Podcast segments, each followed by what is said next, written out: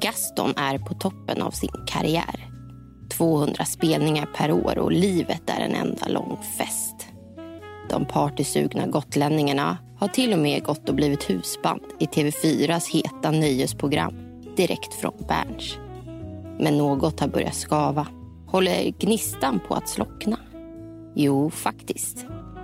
För mitt under säsong lägger de ner sina instrument och lämnar tv-studion. Gaston var utbrända innan ordet utbränd ens var uppfunnet. Det här är Musikstugan med din programledare Erik Down.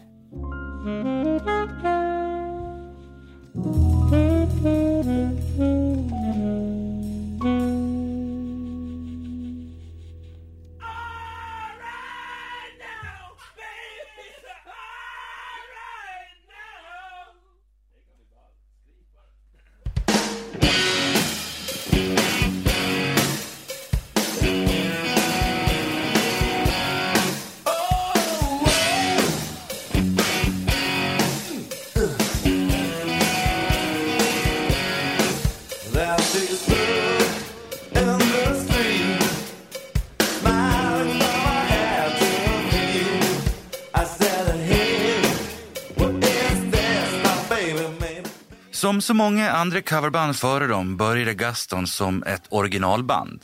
Att stå på scen och lira andres låtar, det, det var mest ett lätt sätt att dra in pengar. Den riktiga passionen låg i det egna, funkiga materialet. Men vi tar det från början. Eller rättare sagt, trummisen och kapellmästaren Micke Leander får ta det från början. Uh, med risk för att en del minnesspår är borta. Va? Men enligt eh, uh, mitt kom ihåg så var det så att jag hade bestämt mig för att eh, sätta ihop ett band. och eh, Så jag hade farit runt lite på Gotland var som ljudtekniker och hittade så här, en gitarrist kommunistisk, på kommunistisk ungdom på Solberga. Där var Roger Gustafsson spelade gitarr och spelade bländande bra. Och brorsan visste ju redan om att han, han var ju delare. Och, och jävligt eh, höga ambitioner med originalmusik och så. Så då var det Roger Gustafsson. Sen hade, vi då, hade jag hört Rune Gardell hade spelat in någon demo nere i Sandkvie studio då, som Allan Larsson ägde delar av på den tiden. Han har spelat in en låt som heter Ägg, ägg, ägg. Då var alla, aldrig hört en gotländsk kille sjunga förut. För det var lite töntigt tror jag på den tiden. Eller tyckte jag i alla fall. Men han sjöng så jävla bra, spelade så bra så han, han var, blev också med då. Vi började med ganska hög ambition med en gång, så vi började repa i morsans och farsans garage först. va. Flera dagar i veckan. Vi repade faktiskt ett helt år tror jag innan, innan vi ens gjorde första konserten. Men Rune var ju väldigt drivande musikaliskt. Han var ju och jag, fick, jag var ganska trygglärd då, men de, de var ju, Rune var ju en stjärna liksom, så han skrev låtarna. Under namnet Gaston packade de ner en demotape och drog till Stockholm för att uppvakta skivbolagen. Och de fick napp nästan direkt. Så på våren 1983 släppte det prestigefulla skivbolaget Metronom den djupt underskattade singeln Kärlekens sal med B-sidan Vita kavaljerer. En singel som än idag får det vattnas i munnen på skivsamlande funkdiskonördar. Och det är faktiskt så att idag låter Gastons egen musik bättre och mycket mindre daterad än deras partycovers. Så därför ger jag er nu Kärlekens sal. Försök att stå emot det här introt.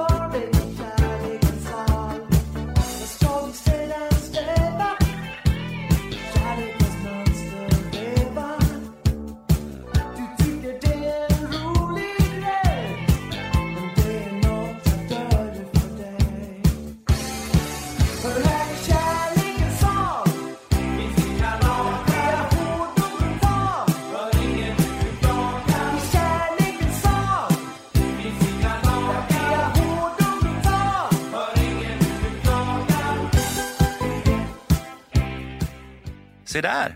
Kärlekens sal. Kan det vara norra Europas bästa låt? Men just deras egna låtar vill inte riktigt flyga. Det var helt enkelt inte så många som brydde sig. Hur man nu inte kan bry sig om funkrock, men det är ju en helt annan diskussion.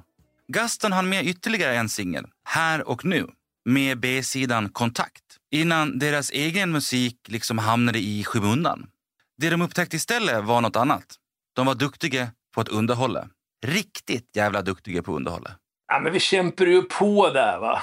När och skulle slå igenom som och Rune skrev låtarna och vi repade och satsade otroligt mycket tid på att få något typ av genombrott. Eller jag låg på som en jävla iller. Jag var ganska jobbig på den tiden. Att jag var ganska hetsig. Jag, jag, jag var, hade siktet inställt så. Jag bara kör, kör, liksom. kötta, nu ska vi breaka det här bandet.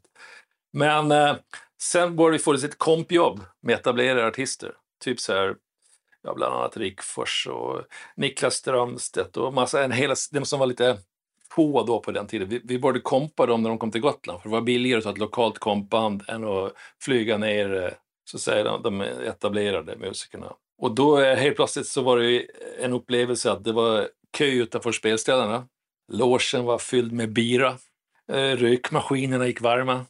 Och, eh, och det var eh, ja, mycket trevlig publik fram vid scenkanten. Så att det var ju så här litet uppvaknande så att då blev det mer och mer, vi vande oss vid det helt enkelt. Eh, att eh, komma upp på en annan level, det i kombination med att vi gjorde eh, entré på Snäck och fick spela för, eh, till början med, ganska fåtalig publik på eftermiddagarna. Sen byggde vi upp en crowd där kan man säga under många år som sen briserade ut i något eh, van, ja, inte ens den tröttaste publiken kunde motstå Gaston. Och eftersom bandet redan då hade spelat ihop hur länge som helst kunde ju de varandra utan och innan. Micke och Johan Leander, Roger Gustafsson och Stefan Olsson. För vid det här laget hade Rune Gardell redan lämnat. Samme Rune som sedermera gjorde sig känd i det gotländska musiklivet genom att vara studieförbundets starke man. Han har jobbat med replokaler, med musiktävlingar och ännu fler replokaler. Och Rune har spelat musik, både under eget namn och tillsammans med andra. Musik-Rune. Men nu tillbaka till snäck och härliga sommarkvällar. Det blir bättre och bättre dag för dag. Vi lallar tillsammans, la, la, la. Ja, det är så fint.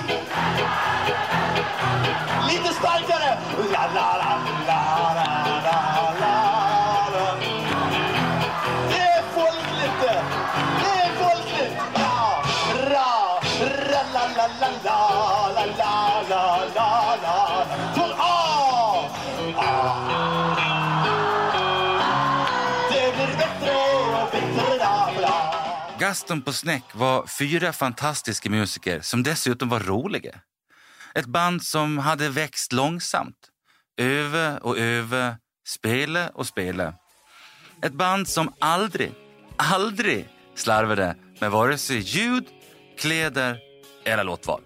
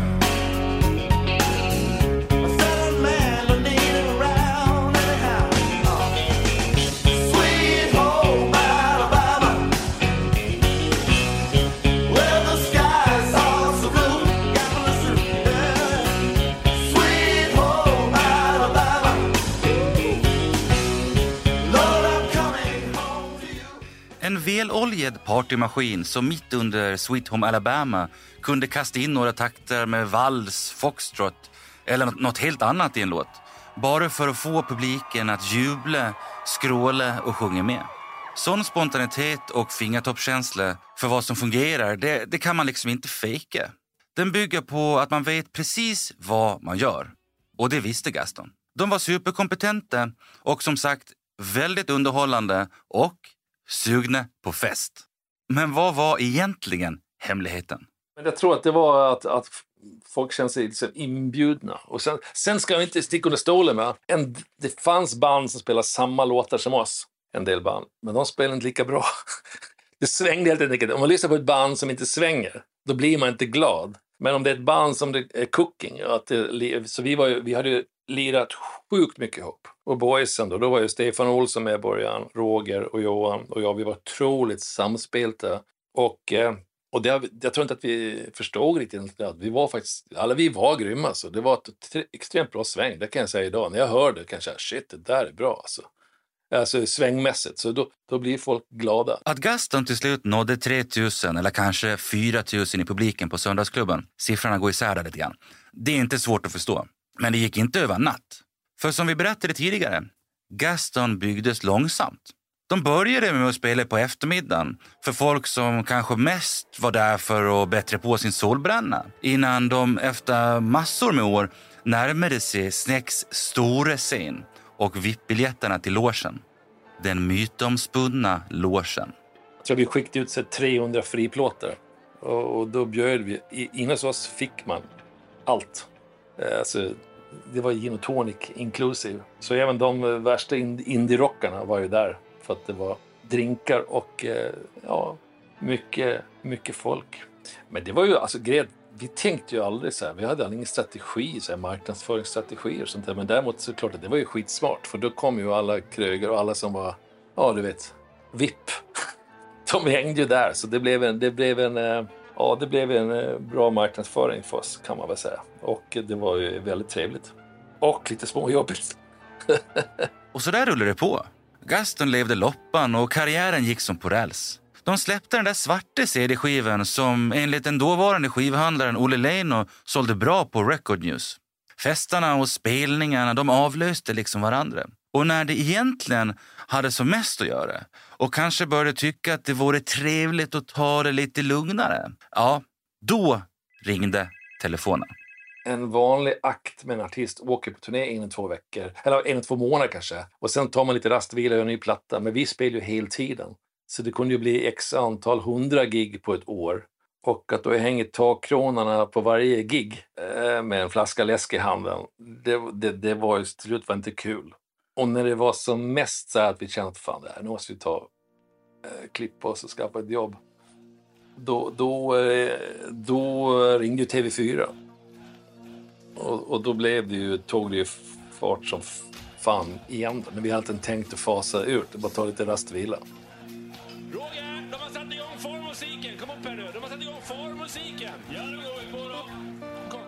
Gaston står på toppen av sin karriär. Man var husband i den populära tv-showen Direkt från Berns. Men det var liksom inte lika roligt längre. Den där luriga glimten i ögat var på väg bort och den evighetslånga festen var på väg att ta slut. Samtidigt som eh, Bon Jovi stod på en scen så stod vi på en scen och sen var det Céline Dion och du vet, så alla så här internationella. Så då fick vi ju Ja, det var en extremt bra rating på det programmet. Det var, det var en miljon som såg det programmet varje måndag, var måndag eller tisdag. Så då kom ju bokningarna igen. Så då var det bara att lasta in i, i turnébussen, kasta in symbolerna och sen ta ett, ta ett vänd till. kör, kör, kör, kör sig totalt, bara ja, tömma ut sig helt. Så då, då, då, eh, ja, då gjorde vi det. Men, men, eh, men vi då var, då var vi redan egentligen klara. Liksom. Mitt i alltihop så bara vi gick till tv-ledningen och sa vi, vi, vi vill köra en walkout nu. Och det är många drömmer om att få göra det hela tiden. Då. Men det var, vi, vi liksom, det var inte kul längre, helt enkelt. Helt över var det dock ännu inte. Stefan Olsson, som lämnade för att satsa helhjärtat på firman PA-kompaniet ersattes av basisten Johan Dereborn och Gaston körde på ett tag till. Men eh, till slut tystnade Sveriges mesta partyband.